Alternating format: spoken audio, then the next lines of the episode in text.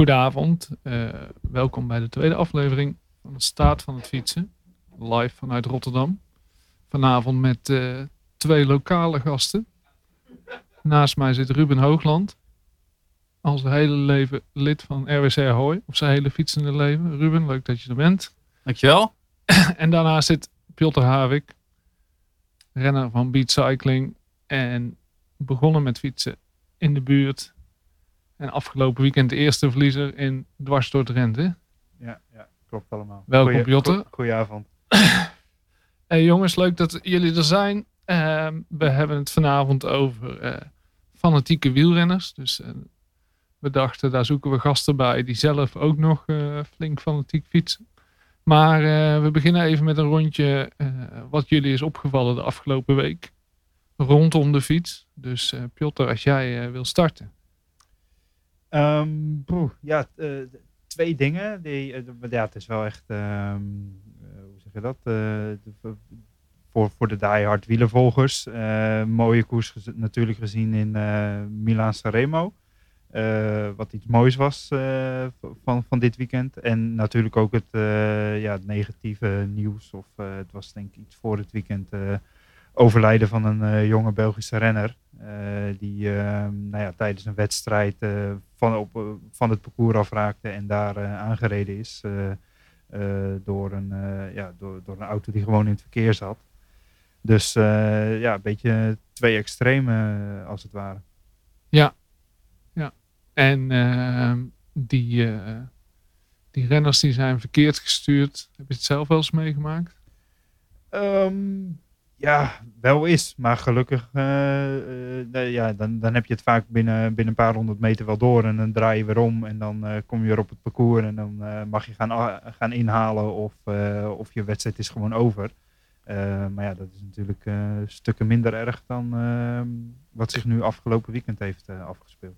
Ja, we gaan het straks nog even over fanatieke, fanatieke fietsers en wielrenners hebben. Maar het is natuurlijk ook zo dat we vaak recreanten zien die, die denken dat ze op een afgesloten parcours rijden. Ruben, kom jij die wel eens tegen? ik denk dat iedere wielrenner die wel eens tegenkomt, ja. Ja, ja en wat mij dan altijd opvalt is dat als je er iets van zegt, dat je dan wordt aangekeken of dat je of dat ze in ieder geval uh, niet zich niet aangesproken voelen. Zo had ik uh, nog een keer in de Amstel Gold Race toertocht dat ik in een afdaling uh, een renner ehm, links een busje zag passeren, waarna die bus, dat busje schrok en, en naar rechts stuurde waar ik zat. Waarop ik die jongen aansprak en hij was zich van geen kwaad bewust en ging op het volgende kruispunt door rood. En daarna weer een, eh, een busje links en halen. Dus uh, er valt nog wat op te voeden. Ruben, voor jou nog even. Wat, uh, wat is jou opgevallen deze week? Um, ja, ik zat in dezelfde koers als uh, van het weekend. In de dorpelomloop van Drenthe. Um, waar Piotr de koers vooral van voor heeft meegemaakt, heb ik die wat meer vanuit de achterhoede kunnen bekijken. Helaas.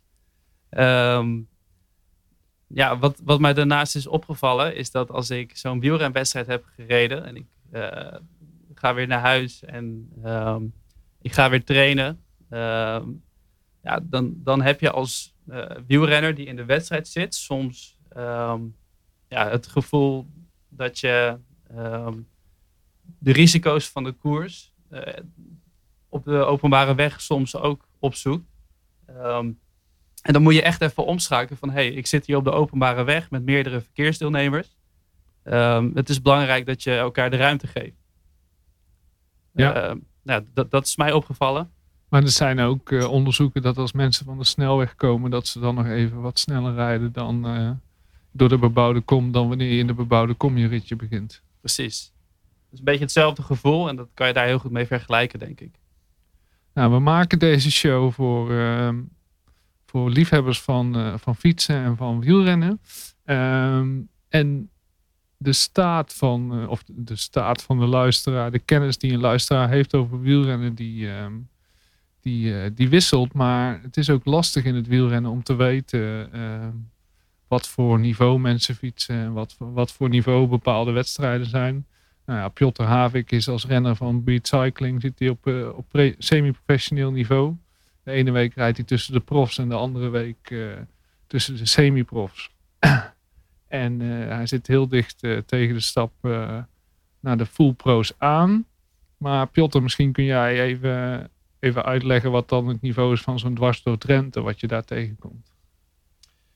Ehm, eh, ja, dat, eh, wat je zegt, het, het maakt ehm, het wielersport natuurlijk heel interessant dat, d- dat je als renner in verschillende door het heel het jaar heen in verschillende niveaus meedoet. En nou ja, als ik dan een vergelijking moet maken in een, ehm, een ronde van Drenthe, eh, die twee weken terug was, echt tussen de profs, eh, en dan een eh, omloop of een dorpomloop in Drenthe, die, die afgelopen weekend was.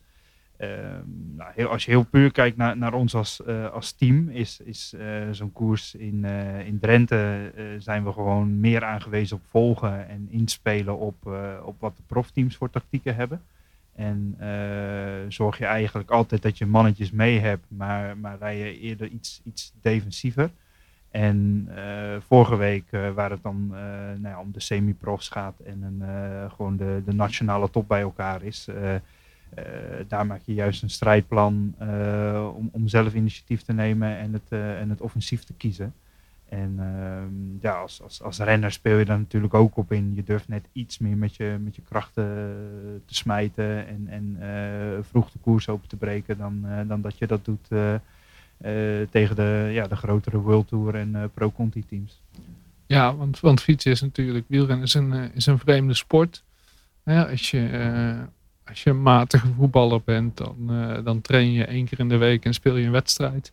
Maar zodra je wielrennen leuk vindt en, eh, en wedstrijdjes rijdt, dan zit je al gauw zes of zeven keer per week op de fiets. Of dat je nu eh, in de Milaan San Remo moet starten of dwars door Drenthe. En ehm, al die wielrenners die zijn, eh, ja, die zijn vaak maniacaal met hun sport bezig. Ehm, waar denk je dat het aan ligt, Ruben? Hoe komt het dat die wielrenners eh, zichzelf zo eh, graag eh, pijn doen? En, eh, ik denk dat het komt omdat wielrennen eh, een sport is waar eh, de mens en techniek eh, heel erg bij elkaar komen. Het gaat om materiaal, het gaat om training, het gaat om voeding. Ehm, en dat brengt een hele romantische wereld met zich mee. Van, ja, waar, je helemaal in, waar je helemaal in op kunt gaan als, als persoon en als sporter. En ik merk ook, ik ben nu sinds drie weken begonnen bij een nieuwe baan. En ik vertel dan ook over, ja, ik ben wielrenner en ik ga naar wedstrijden. En eh, ja, dan komen ze allemaal met vragen en ze vinden het allemaal waanzinnig interessant. Eh, ik vind het ook wel exemplarisch voor het wielrennen eh, op mijn niveau bijvoorbeeld. Ik doe, ik doe er heel veel voor, maar ik zal nooit een renner als Piotr worden die voor de winst mee kan doen in grote wedstrijden. Ehm, maar de, gewoon de hele beleving en de sfeer van de wielersport, ja, dat, dat, daar laat ik me helemaal in, in, in opgaan. Je Eh, werkt bij Yellow Jersey nu, dus dan vragen ze, hey, eh, fiets je dan ook de Tour de France? ja, precies. Dat soort vragen komen er. En ze, ze willen dan weten wat dan het verschil is tussen eh, nou, waar ik dan rij en waar eh, Robert Geesink of eh, Tom Dumoulin voor rijden. Eh, en dan leg je dat verschil uit. En dat is wel moeilijk om uit te leggen, want het ligt net iets ingewikkelder dan eh, ja, de eredivisie vergelijken met Champions League bijvoorbeeld. Dat is in het voetbal heel makkelijk en in het wielrennen eh, ja, is die vergelijking wat minder makkelijk te maken, denk ik. Ehm, maar goed, ja, ze zijn allemaal super geïnteresseerd in die sport en hoe ik er op amateurniveau eh, bij de elite belofte eh, mee bezig ben. En ja, dat is denk ik wel. ehm, ja, dat, dat geeft wel aan dat het gewoon een hele romantische sport is, waar heel veel omheen hangt, dat sfeertje. Ja, en eh, het is natuurlijk mooi dat je als, eh, als amateur of als eh, recreant eh, ook de parcoursen van de profs kan rijden. En tegenwoordig is het zelfs zo dat, eh, dat de profs vaak de parcoursen van, eh, van de amateurs rijden. Piotr, jij was eh, vorige week nog even een rondje IJsselmeer doen. En met Jan-Willem van Schip, wereldkampioen de puntenkoers. Maar jullie hebben gewoon een route van Strava geplukt van de recreanten, neem ik aan.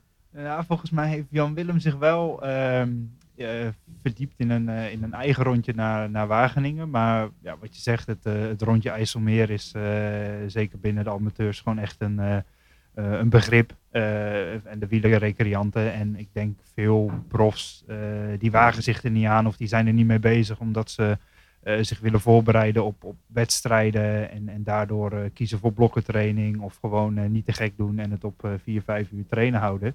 In plaats van in ons geval een ritje van bijna tien uur op de fiets. Um, maar ja, zoals ik zei, Jan Willem is wel iemand die dat, die dat even uitzoekt. En, en zorgt dat je een mooi rondje hebt en dat iedereen de GPX heeft. En, en dan ga je gewoon, gewoon lekker fietsen voor het fietsen. En wat je zegt, ik vind het heel mooi. wielrennen is echt een sport waar er zoveel raakvlakken zijn met het recreatie en het amateurniveau en het profwielrennen. Omdat ja, noem het maar, een, kruisbestuiving is uh, tussen het feit dat je de Ronde van Vlaanderen parcours kan rijden, wat de profs doen, en kijken hoe hard je daarop uh, op kan gaan. En dat er ook heel veel, of zeker een aantal profs zijn die het gewoon mooi vinden om te bikepacken en om gewoon te, lekker te fietsen voor het fietsen. Ja, en die, en die Strava, waar je dan je ritjes op vastlegt. En vervolgens jezelf kan vergelijken met de profs als, als recreant. Leidt dat dan nog uh, tot gevaarlijke situaties? Oeh, dat denk ik wel. Ja, ik, ik, ik weet wel uh, hoe, hoe fanatieke renners kunnen zijn uh, op Strava-kommetjes. En ik betrap me er zelf ook vaak op dat je, dat je iets ziet en dan wil je er toch even terug heen om, om dat kommetje net wel te pakken. Of het nu bergop is of vlak of wat dan ook. Wat zijn dan de bekendste kommetjes in Nederland? Kopje van Bloemendaal? Ja, dat soort dingen. De Koubergen, uh, veel, dingen, veel klimmetjes in Limburg. Ik denk ook de Kasseistrook in Drenthe. Daar staan ook uh, wel een paar mooie kommen. Maar heb, wat je, heb jij een prestigieuze kom? Of? Oh, moet ik even denken. Ik heb er niet echt specifiek één die ik heel, heel erg koester of, of wat dan ook. Maar ehm, ja, het, is gewoon op het moment zelf is het even leuk. Dan leef je erin op en dan uh, soms spreek je ook met het team af van hé, uh, hey, uh, morgen gaan we even daar naartoe en we vallen die kom aan. maar het, het, is tegenwoordig steeds moeilijker omdat die, die wedstrijden ook over dezelfde parcoursen gaan. En ja, als er eenmaal een wedstrijd overheen is gegaan, dan, dan is het heel moeilijk om in je training dat even, even nog wat scherper te zetten. Nou, de kom op de Van Brienenoordbrug, die is van Jordi Sloof. Ja, dat dus geen, uh, geen wedstrijdrenner. Recreant tegenwoordig. En uh, geen renner van RWC Ahoy, waar jij ook bestuurslid bent, uh, Ruben. Dus ik denk dat, dat er van Brienenoord in ieder geval bij de club moet blijven. Ik denk dat wij onze vaste trainingsroute even moeten aanpassen. Ja, ja dat lijkt me heel verstandig. Kijk, de, de jongen die de kom heeft op de afsluitdijk, stel van de steeg, met 63 km per uur, wint mee. Die is uh, vorige week bijna aangevallen met 62 km per uur. Maar uh, gelukkig gaat die afsluitdijk drie jaar dicht. Dus uh, die jongen die, die, die, zit veilig. Die brak op de terugweg brak die, de kabel van zijn achterderieur. Dus die reed met 63 km per uur heen en met 12 km per uur terug op de grootste versnelling. Ja, um, ja en die, die Strava kommetjes, die, eh, dat betekent dus dat, eh, dat heel, veel, uh, nou ja, heel veel recreanten zich kunnen meten met de profs.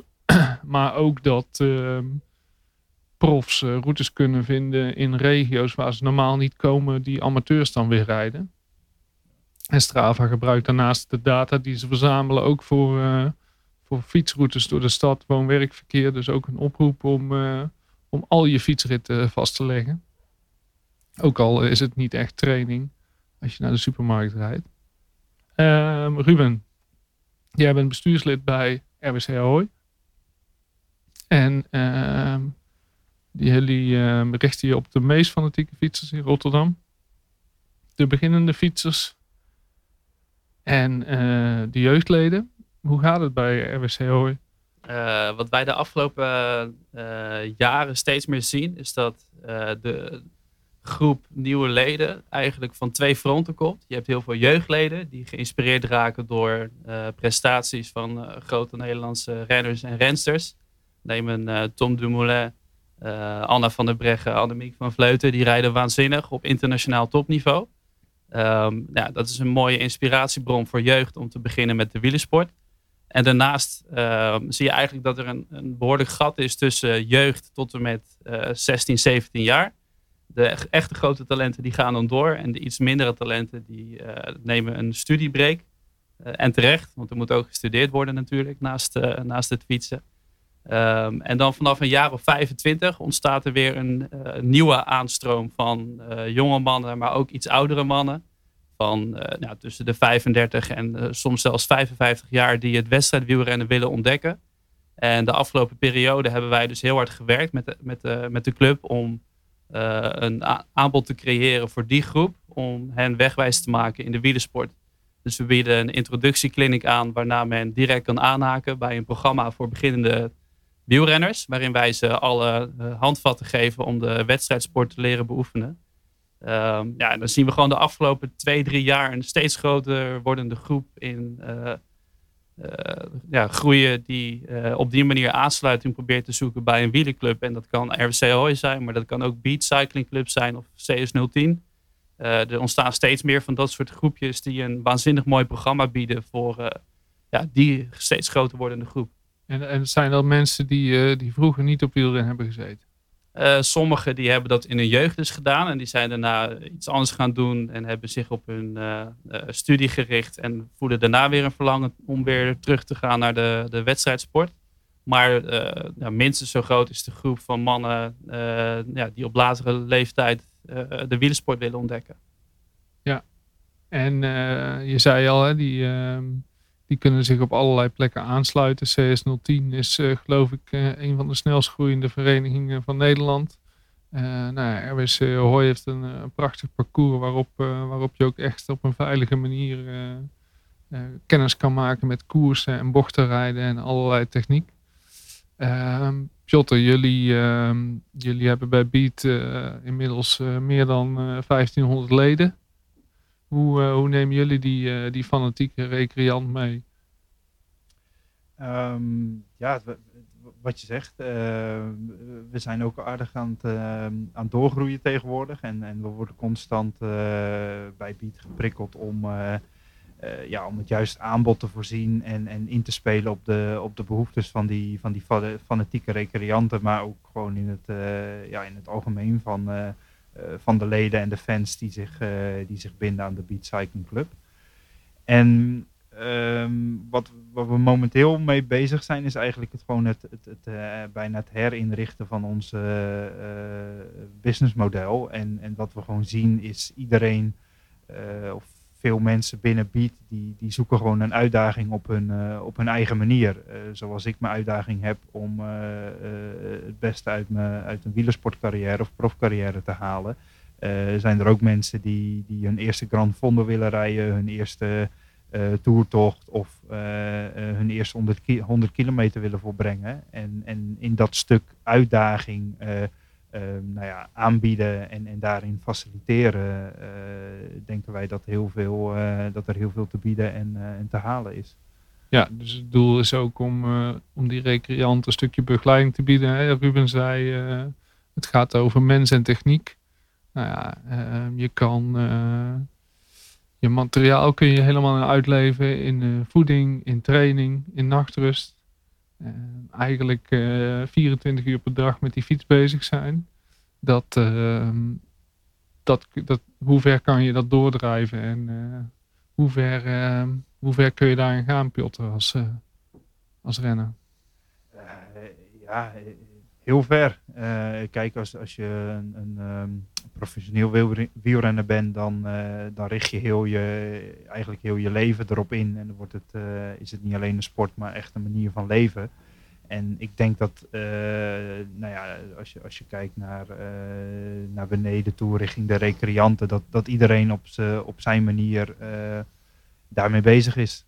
en kijkt die, kijkt die recreant dan ook nog naar de koers op zondag of op zaterdag naar Milaan Sanremo? Of gaat hij dan zelf fietsen? ik, ik denk dat we, dat we steeds meer gaan naar, een, uh, naar het stuk uh, zelfbeleven. Dus echt dat, dat dat voorop staat. Eerst wil je je eigen uitdagingen gaan behalen en, en, en zelf met een goed gevoel van, van de fiets afstappen. Lukt het dan om, om hem nog even een finale te kijken, denk ik dat veel mensen dat wel doen. Maar moeten ze dat op een of andere manier overslaan, rouwen ze er niet om. Maar waar ze denk ik wel heel erg naar op zoek gaan, is weer die eh, eh, die stukjes um, nou ja, content waarin ze wel mee zijn van oké, wat heeft er af, zich afgespeeld en vaak nog misschien nog wat dieper op zoek zijn naar het verhaal van, van hun favoriete team of favoriete renner. Dat ze dat eigenlijk veel belangrijker vinden dan heel de wedstrijd op zich.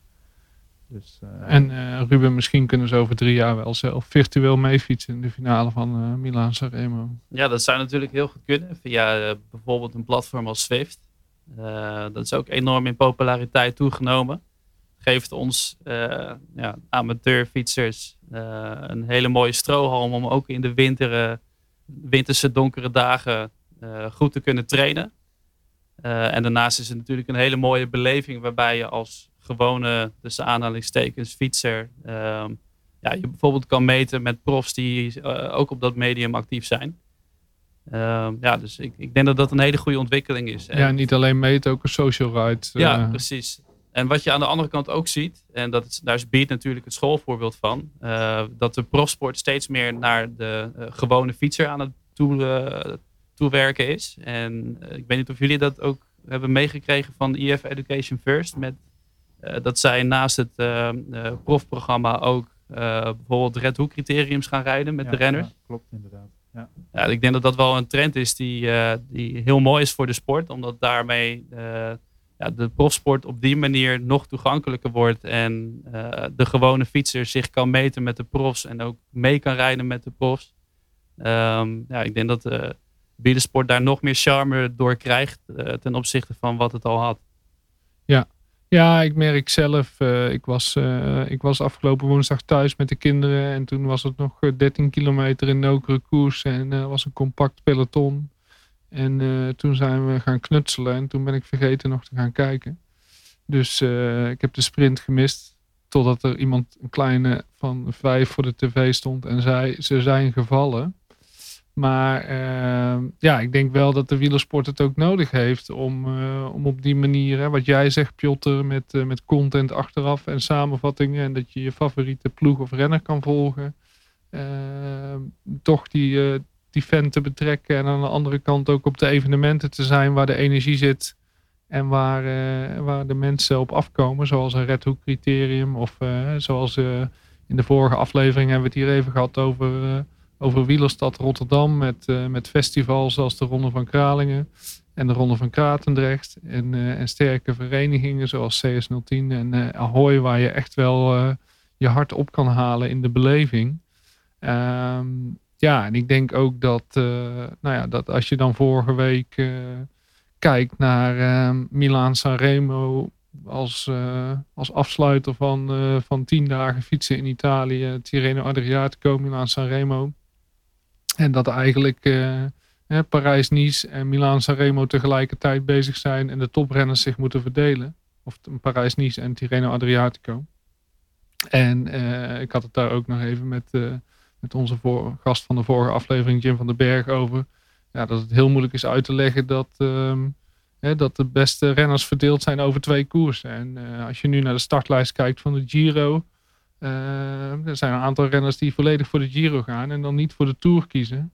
Is dat, uh, zou de wielersport wat meer moeten focussen in de kalender? Of blijft het, hè, wordt het niet te diffuus? Omdat ook de huidige fan misschien liever zelf gaat fietsen. En de nieuwe fan het heel moeilijk is uit te leggen waar hij nou naar kijkt? Ja, dat is wel, is wel een hele goede vraag. Op, op die manier heb ik er nog nooit, nog nooit over nagedacht. Omdat je zelf als wielrenner weet je gewoon, de, de kalender zit op sommige momenten gewoon bomvol. En je moet, je moet keuzes maken. En waar ook steeds meer naar gekeken wordt, is naar de, de specialismes van eh, van renners en van rennertypes. En, en eh, eh, nou ja, vroeger werd het redelijk grof opgedeeld. En nu gaan ze al kijken van ja, we maar welke soorten beklimmingen liggen mij beter. En, en zijn er niet te veel klimmen boven de 2000 hoogtemeters. Want dan heb ik weer, nou, we weten bijvoorbeeld bepaalde renners dat ze weer nadelig zijn. En, en er wordt zo op de details gelet, wat, wat het nou, zeker voor de buitenstaanders wel heel moeilijk maakt om, om te volgen. En, en om te begrijpen waarom uh, bepaalde renners uh, wel in de Tour de France staan en uh, niet in de Giro of, of precies andersom. Um, ja, ja, en het is denk ik ook de eeuwige strijd, hè? de koersje om, om te winnen. En gaat het om de sport Of ben je een wielerploeg die moet zorgen dat partners zichtbaar zijn en, en er een, dat je een platform biedt voor je partners. Het is wel een beetje een soort spel tussen de magie van de wielersport en aan de andere kant de wetenschap of het, het bedrijf dat een wielerploeg vormt. Um, ja, de, door, door de uh, komst van bijvoorbeeld een Team Sky en daarna ook Team Sunweb, die steeds meer focus op het wetenschappelijk benaderen van de sport leggen. Uh, ja, dat, dat is wel eens in contrast met hoe de wielersport vroeger was. Wanneer een romantische, uh, ja, verhalende sport waar uh, allerlei heroïsche verhalen door ontstaan. En dat is nog steeds wel, maar wel op een ander niveau. Namelijk op een niveau waarbij er twintig ploegen aan de start staan van een, van een grote ronde die op en top georganiseerd met, met allerlei specialisten allemaal nou, kleine machientjes kweken van hun renners die op de toppen van hun kunnen presteren. Nou, aan de ene kant is dat heel mooi, denk ik. Maar aan de andere kant zie je wel dat daardoor de magie van de sport een klein beetje in het gedring komt met wetenschappelijke benadering van het moderne wielrennen. Um, en ik denk dat een grote groep mensen um, daar misschien wel een klein beetje op afhaakt. Omdat ze niet meer die heroïsche um, koersen van weleer zien, zeg maar. Ja, daar sluit, sluit ik me ook wel bij aan, uh, Ruben. Wat je zegt, vroeger uh, had je bijvoorbeeld een, een uh, ja, noem het maar even de grote namen, Eddie Merckx, Anke Thiel. dat, dat waren gewoon mannen die zowel in, in de voorjaarsklassiekers te zien waren en, en konden winnen. En daarna ook de grote rondes instapten en daar weer precies hetzelfde deden. Dus er werden echt helden opgebouwd die je gewoon heel het jaar door zag. En nu, ben je, nu is het eigenlijk meer een periode van ja, of je bent uh, fan van de rondrenners of, of je bent eigenlijk fan van uh, um, de, de, de mannen zoals uh, Sagan en, en de klassieke renners. en het, het, worden bijna twee ehm, eh, twee aparte werelden. En, en mij, ik vraag me dan ook af van ja, wat, is dat goed? Of ja, wat, wat kan het moderne wielrennen daaraan doen om toch dat heroïsche... nou, je ziet met de Strade Bianca, dat is natuurlijk binnen, binnen tien jaar een, een klassieker op de kalender geworden. Hè. Die is maar 180 kilometer in tegenstelling tot andere grote klassiekers die, die vaak de 230 kilometer voorbij gaan. Maar dat is dan ook wel weer een heel dun lijntje. De Strade Bianca over de, over de grindpaden. Die wordt met open armen door iedereen ontvangen. En vervolgens heb je een schaal Cels of een wedstrijd in, in Drenthe. Die, de slag om Norg, waar dan weer hè, verdeeldheid ontstaat over kun je dit maken om hier de renners overheen te sturen. En het is geen veldrijden. Dus ja, hoe ver kun je daarin gaan? Ehm, en wat maakt dan, Ruben, misschien jij als marketeer ook, wat maakt dan het verschil dat zo'n Strade Bianca wel slaagt en, uh, en van alle kanten alle lof ontvangt en dat dan toch bij zo'n schaal Cels of Slag om Norg wat discussie ontstaat over het parcours. Terwijl in mijn optiek ehm, er niet, niet heel veel verschil in zit. Um, dat is ook een heel interessant vraagstuk. Dat is natuurlijk eh, in het marketing noem je dat dan framing. Um, ja, ik, ik denk dat Strade Bianca is gewoon door, door profploegen, door uh, ja, mensen als Laurens Dam, die in zijn podcast daar ook heel vaak uh, op terugkomt. ja, met heel veel warmte onthaald. En ja, dat wordt door een heel breed publiek gedragen. Um, ja, en ik denk dat, ja, dat er zijn bepaalde opiniemakers die die koers maken tot wat het is. En ik ben het daar helemaal mee eens, want het is een van de mooiste koersen in het jaar om te kijken. Um, ja, misschien is dat ook wel het verschil. Dat de Strade Bianca is natuurlijk een World koers. Um, waarbij de renners op het allerhoogste niveau uh, ja, strijden voor de winst. En Schaal zelfs uh, zit daar net ietsje onder. Misschien dat dat meespeelt. Ik weet niet hoe jij erover denkt, Piotr. Ja, klopt wel. Um, wat, je denkt, eh, wat, wat ik denk is dat je ja, bij Strade Bianca weet je gewoon dat je een, een, een groot uh, podium hebt als, als World Tour team en als renner. Um, en, en bij Schaal Cels gaan, gaan de renners zich afvragen van, van ja, moet ik het doen voor die, voor die 2000 man die langs de kant staan in plaats van die, ik noem maar even wat, 20 miljoen volgers wereldwijd. Dus dus ja, uiteindelijk het, het stuk framing uh, wat Ruben aanhaalt, dat, uh, dat helpt ook wel heel erg mee. Uh, of kan een positief of negatief effect hebben, zowel op de de beleving van, eh, van de renners en van de teams als de beleving van eh, de omstanders. Maar in, in de basis zijn ze allebei even veilig of even onveilig. Ja, zoals je ziet wat er in Stade Bianca voor, voor valpartijen zijn en, en, en wat renners daar aan schade overhouden. Uh, ook al zijn het de beste van de wereld. ja, dat, dat, dat zie je ook gewoon in, in, in schaalcels terugkomen. En um, ja, uiteindelijk gaat het een, om, denk meer om, een, een, om gewoon een, noem het maar een gedragscode die je, uh, die je als renners uh, moet gaan handhaven. En, uh, en als, het, als het gewoon niet meer, niet meer gaat om op een bepaalde plekken nog op te schuiven, dan moet je het ook gewoon niet gaan doen. Maar ja, ook, maar dat is ook weer een discussiepunt. uiteindelijk hebben ook renners niet alles zelf in de hand. Nou, we hadden het net buiten ook even hè, voor de aflevering over, over een gedragscode voor, voor recreanten op de openbare weg. Hè, dat met Strava mensen vaak bezig zijn met een kommetje halen of, of zich niet, niet echt aan de verkeersregels houden. En hoe, hoe roep je dan nou een halt toe? Maar ehm, ja, dan zijn er altijd een paar die het verpesten voor de rest, zeggen ze dan in het voetbal hè, met hooligans. Werkt dat in het fietsen ook zo, Ruben? Ja, absoluut. Um ja, wij hebben als club natuurlijk ook wel eens te maken met incidenten. En de ene keer uh, ja, uh, loopt dat wel los en de andere keer moet je echt wel eventjes optreden door te zeggen van hé, hey, wat hier gebeurd is kan gewoon echt niet. en ja, je, je, ziet ook wel dat er in de maatschappij een toegenomen ja, haat-liefde verhouding eigenlijk wel met, met de wielrenner in zijn algemeenheid is ontstaan. Um, ja, dat heeft denk ik deels te maken met een uh, ja, behoorlijk toegenomen groep recreanten. Er zijn steeds meer mensen die het leuk vinden om op de woensdagavond te fietsen met buren bijvoorbeeld. Uh, maar goed, dat, dat blijft natuurlijk zeker in een bebouwde regio als Rotterdam. Ja, je moet gewoon rekening houden met elkaar. En als jij met 40 km per uur langs een groep wandelaars scheert, ja, dat is ook gewoon niet helemaal de bedoeling, denk ik. Dus als je van twee kanten gewoon je netjes aan de regels houdt en uh, ja, conflict situaties vermijdt, denk ik dat het allemaal heel goed samen kan gaan. Ja, en je zegt eigenlijk een haat-liefste verhouding met de fiets. Ehm, je ziet in Nederland zijn iets meer dan 800.000 sportieve fietsers die, die zich omkleden om om, om regelmatig die racefiets op te kruipen. Uh, dat was vroeger ook zo, maar dan reden ze vaak op zondagochtend. En nu is denk ik ook vaak het verschil dat ze inderdaad die woensdagavond even kiezen, omdat, ze dan, omdat het dan kan vrij van werk. Of ehm, dat ze in grotere getalen meer en makkelijker elkaar opzoeken. De groepjes, de sport is ongeorganiseerder geworden.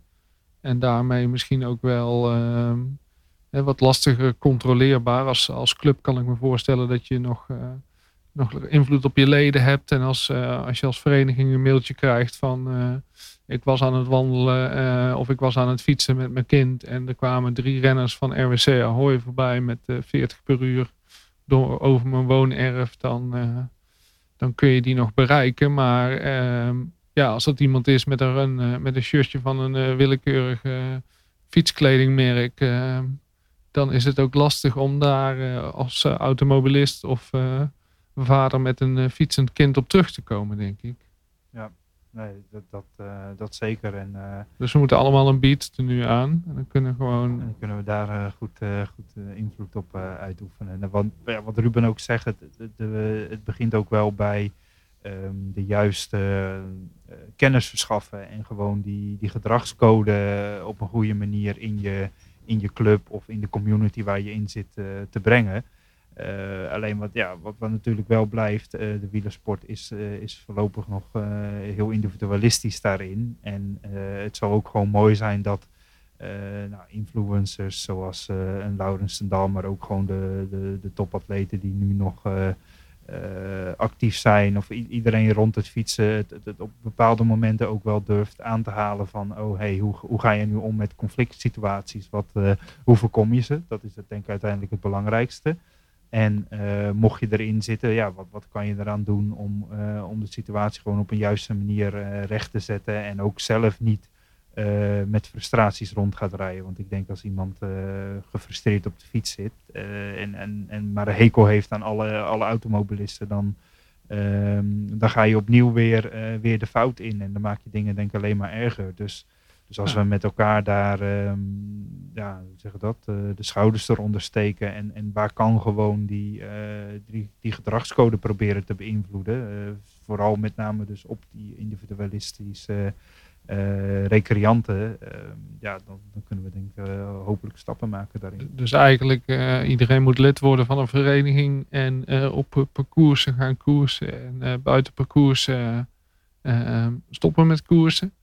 Ja, nou, wat ik aan het begin ook zei is dat als ik zelf een wedstrijd heb gereden en ik keer weer terug in het normale verkeer, dan betrap ik mezelf er ook wel eens op dat ik, als ik nou, tussen andere fietsers doormanoeuvreer of zo, dat ik um, ja, iets meer risico nemen, omdat dat vanuit de koers gewoonte wordt. En ik denk dat het allemaal begint bij zowel wedstrijdrijders als gewoon recreanten die op uh, woensdagavond een rondje Rottermeren gaan rijden. gewoon je gezonde verstand gebruiken en je verantwoordelijkheid nemen. Het is, het is niet verantwoord om op volle snelheid langs een groep wandelende kinderen te rijden. Dat moet je gewoon niet doen. Maar is het ook niet een spel met de omgeving? Los van of dat het andere weggebruikers zijn, maar met de obstakels op de weg. dat het ook leuk is om een bordje sprint te doen of tussen paaltjes door te slalommen. Of... Tuurlijk is dat leuk, maar dat, dat, dat kan ook gewoon op de momenten dat daar niet een gevaarlijke situatie door ontstaat. Ik bedoel, wij rijden tijdens trainingen ook heel vaak langs bordjes. En dan natuurlijk wil je als eerste je voorwiel uh, over dat uh, ja, virtuele streepje drukken. maar als er twee auto's aankomen, ja, moet je dat dan doen? Ik denk het niet. Ik denk dat het daar gewoon aankomt op je gezonde verstand gebruiken en elkaar daarop aanspreken. Um, en ja, vaardigheidstrainingen, die bieden wij bij RWC Ahoy bijvoorbeeld ook aan. Dan kan je op een veilig parcours waar je helemaal geen rekening hoeft te houden met ander verkeer, dat soort oefeningen doen. Um, ja, ga, gewoon op die manier gezond met je sport om. En gun anderen de ruimte die zij ook uh, moeten krijgen in het verkeer. Ja, we hebben net, uh, ik kom net van het parcours bij RWS Ahoy. Waar we met, uh, met de regio selectie en Delta Cycling belofte renners uit het district een training hebben gegeven. Aerodynamica en fietspositie. En daar kwam ook naar boven dat dan hè, de techniektrainingen en de bochtentechniek, die leer je bij de jeugd. Maar daarna is daar vaak geen aandacht meer voor. Terwijl, eh, zoals je net al aanhaalde, veel mensen beginnen met fietsen op hun, op hun 25ste. Dus nou ja, grijp dat ook aan om ehm, die, dat aanbod wat er is om, om vaardigheden te leren. En dan kun je in ieder geval zelf ook beter anticiperen. Ruben, je zei ook iets over die jeugdleden die jullie aantrekken. Hè? Daar zijn nog wel, het is nog wel vaak dat ze een idool hebben als jeugdlid. Dan volg je misschien de koers op de voet. Of dat het nou Chantal Blaak is, of Lucinda Brandt hier uit de regio, of Tom Dumoulin. Um, hoe, hoe weten jullie die jeugdleden te bereiken? Of hoe, hoe gaat die werving van, van jeugdleden in zijn werk? wij staan met Ahoy bijvoorbeeld in de Rotterdampas. Dus daar nou, bereiken we best wel wat mensen mee die via die weg de wielerclub leren kennen. En verder gaat het vooral heel erg organisch. Dus mensen die zoeken gericht naar een, een, een, club waar zij hun zoon of dochter kunnen aanmelden. Uh, en die komen dan op onze website terecht en die sturen dan via het contactformulier een berichtje met: Hey, kunnen wij een keer bij jullie kijken? Um, ja, dan volgen ze vaak een aantal proeftrainingen en dan haken ze vervolgens aan bij de jeugdtrainingen. Er zijn ook fietsen voor beschikbaar voor die proeftraining? Ja, we hebben een aantal fietsen ter beschikking voor proeftrainingen voor jeugdleden. Um, ja, je kan natuurlijk niet uh, voor een lange periode daar gebruik van maken. Dus uh, als je het echt leuk vindt, en daar zijn die fietsen ook voor bedoeld, om te ontdekken of het echt iets voor jou is. En nou ja, daarna staan de ouders meestal om een, om een fietsje aan te schaffen voor hun zoon of dochter. En hoe fanatiek is dat jeugdwielrennen of gaat dat bij jullie om het spel? En, nou, de jeugdcategorieën, dat is bij het wielrennen, of in het wielrennen van jeugdcategorie 1 tot en met 7, uit mijn hoofd gezegd. Ja, Eh, tussen de 7 en 14 jaar. Ja, precies. En eh, eigenlijk is het in die leeftijdscategorie voornamelijk gericht op spelende wijze kennis maken met bepaalde wedstrijdelementen. Dus we organiseren jeugdtijdritten. Eh, er zijn jeugdtoernooien door heel het land. Ehm, en vanaf eh, de categorie nieuwelingen, dus zo'n 14, 15 jaar, dan gaat het meer om het samen presteren in wedstrijden en individueel beter worden met gerichte trainingsschema's. Maar ja, in de, in de absolute eh, jeugdcategorie is dat nog niet aan de orde. Daar gaat het veel meer om het spelletje leren, spelen, eh, techniek, trainingen. door, ja, tussen door slalom en dat soort speloefeningen. Ja, en, eh, en zie je dan ook eh, hè, vanuit de Rotterdam pas en die ouders die zich aanmelden, zijn het dan vaak eh, ouders die zelf gefietst hebben, die dan met een kind komen wat, eh, wat daar interesse in heeft? Of hoe? Ja, dat is een beetje gelijk, denk ik.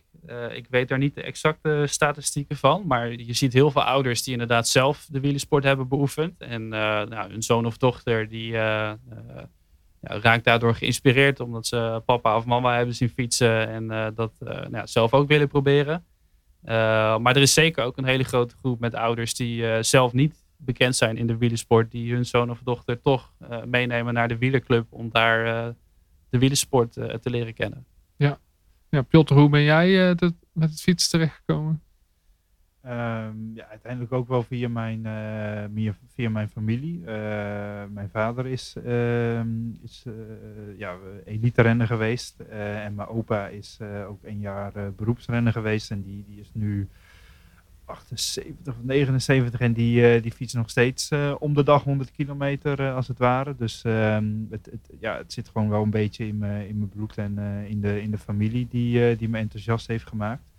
En uh, nou, ik ben ook gewoon begonnen bij, uh, uh, bij mijn clubje Excelsior in, in Gouda. En nou ja, wat, ik vind het wel mooi om te horen van wat Ruben vertelde, dat, dat ik diezelfde ervaring ook heb gehad. Tot, tot aan categorie 7 moet je eigenlijk gewoon zoveel mogelijk kunnen spelen en, en, en met vrienden optrekken en, en, en uh, koersvriendjes tegenkomen op de wedstrijd en daarvoor en daarna nog lekker even samen voetballen omdat het gewoon, uh, gewoon leuk is en, en het gewoon een, een, meer een lichamelijke ontwikkeling en sociale ontwikkeling is dan, dan puur en alleen presteren. En, en dan vanaf, vanaf nieuweling, junioren ben ik het ook gewoon steeds, steeds serieuzer op gaan bouwen. En ik denk dat dat ook wel een, een hele goede maar het is ook de afhaakleeftijd. Uh. Ja, ja dat, dat, dat wel. En, en daar heb ik ook wel uh, dus, dus mijn vraagtekens over. Van, van ja, hoe kan je er eigenlijk voor zorgen dat, dat het um, bij de nieuwelingen en junioren eigenlijk socialer blijft dan, of socialer wordt dan dat het nu is. Het wordt vanaf nieuwelingen en junioren eigenlijk al prestatiegericht. En ik denk dat heel veel pubers juist uh, sociale um, ontwikkeling en, en, en vaardigheden uh, belangrijker vinden of daar meer onbewust naar op zoek zijn dan, uh, dan het presteren. ik denk dat er een, een, grote angst is om, om je niet, niet fijn te voelen in een groep. of nou ja, je juist op zoek bent naar groepsgevoel. En dat is, dat is iets wat in bij nieuwelingen en junioren wel gaat uh, verdwijnen, omdat die individuele prestatie uh, veel belangrijker wordt. Ja, ja, je ziet de laatste vijf jaar ook dat er 20 of 25 procent minder beloften in Nederland zijn dan, dan vijf jaar geleden. Ehm, Ruben, wat zijn, wat zijn vaak drempels voor, voor, voor, kinderen om, om uiteindelijk niet voor het fietsen te kiezen? Heb je daar zicht op? Um, ja, ja, aan de ene kant waar we het net over hebben. Eigenlijk is het wel heel vreemd dat uh, ja, vanaf een jaar of 25, als je begint met wielrennen, dat heet dan de fun-klasse. Dat is een beetje de beginnerscategorie. Daar gaat het heel erg om beleving, samen fietsen, ontdekken. Uh, en wat Piotr net zegt, dat gaat inderdaad bij de nieuwelingen en junioren, wat een beetje de afhaakleeftijd is. Um, ja, dat zijn dan dus jongens en meisjes tussen de 14 en 17 jaar. Uh, daar gaat het puur en alleen om het presteren vaak hè, in, de, in de clubteams. Omdat daar dan een fanatieke trainer op zit. En uh, ja, die zijn allemaal bezig met individueel ontwikkelen. Um, ja, misschien is het wel interessant om daar als club wat meer verantwoordelijkheid voor te nemen. Om juist meer richting dat sociale uh, groepsgevoel toe te gaan werken met, met die leeftijdsgroep. Die daar misschien ook wel heel erg behoefte naar heeft. Ja, doen jullie uh, exit-gesprekken met, met nieuwelingen of junioren waarom ze afhaken? Ja, we sturen sinds kort uh, niet systematisch, maar wel regelmatig enquêtes uit naar mensen die de club verlaten. Met de vraag van hey, waarom heb je geen aansluiting gevonden of waarom ben je afgehaakt? en daar zien we inderdaad wel vaak dat het gaat om, nou, jullie aanbod past niet helemaal bij wat ik, wat, wat ik zoek. Of nou, ik heb gewoon geen interesse om op wedstrijdniveau de wielersport te beoefenen. Dus ik denk dat dat ook een beetje een tweeverdeling is tussen mensen die gewoon de wielersport niet leuk genoeg vinden om dat op wedstrijdniveau te beoefenen. Uh, en aan de andere kant uh, ja, de groep die inderdaad geen aansluiting vindt, omdat het veel meer gaat om het presteren dan om het samen de wielersport beleven. Ja, ja en eigenlijk, die, we hebben het gehad over ehm, over, over het van het fanatieke eh, wat in, eh, wat in een fietser zit en in een fan en in een recreant. Maar we zeggen eigenlijk ook uh, hoe krijgen we die sport naar de mensen toe. Want die recreant die wil, die wil geïnspireerd worden in zijn eigen rondjes door de profs. En ehm, de, de fan die, die komt wel naar de redhoek, maar komt die ook, staat hij ook langs de kant in dwars door Drenthe. En hoe hoe houden we die sport leuk en, eh, en toegankelijk voor de jeugd. En eh, ja, ik denk zelf ook dat dat, uh, dat het toch wel zit in, in bereikbaarheid van sport. Hè. De RWC Ahoy heeft een, heeft een fantastisch parcours, wat we al zeiden. maar dat ligt, dat ligt hier vijf kilometer van Rotterdam Centrum. Dus ja, kun je nagaan als je uit, uit Feyenoord moet komen, dan, dan komt er nog vijf kilometer bij. Uh, al gauw. Dus uh, je bent eerst 10 kilometer de stad aan het doorfietsen. Dus uh, ik hoop dat we ja, als Rotterdam en ehm, ook wegen gaan vinden om, ehm, om die sport nog meer bij, bij de kinderen te krijgen. Zodat Ahoy straks het aantal jeugdleden haast niet aan kan. en de wethouder heeft ook een mooie ambitie neergelegd om, om de toerstart weer te organiseren. Nou, in aanloop daar naartoe gaat die fiets nog meer en die sportieve fiets nog meer de wijk in weer uh, hopelijk. En dan, uh, dan gaan we kijken of dat er uh, nog meer kinderen van deze prachtige sport uh, kunnen genieten in een, in een spelvorm. En ondertussen is Piotr dan de renner waar ze zich gaan optrekken. Ik, hopelijk. Ik ga, ik ga, mijn best doen, ja. Ik hoop het ook. En ehm, ja, ik ben wel heel benieuwd naar, naar hoe, hoe zich dat gaat ontwikkelen. En ehm, kunnen wij als recreant op dat moment gewoon zelf mee fietsen met Milaan Sanremo. Hoeven we en niks van de koers te missen. En uh, kunnen we aan onze eigen trainingskilometers komen. Hebben we ook geen last op het fietspad van wandelaars als we gewoon op Swift zitten.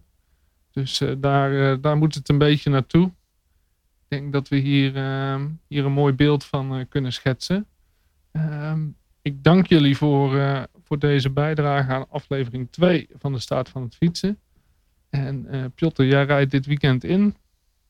Uh, we gaan trainen. We gaan naar Limburg toe voor een trainingsweekendje. En volgende week is het uh, Volta Limburg. Kijk, parcours ja, verkennen. Absoluut.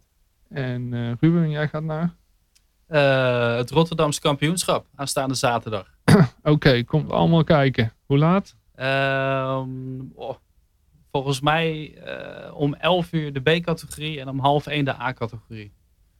Ja. Op Ahoy? Of, op Ahoy, ja. Op Ahoy. Kan niet anders. Dankjewel.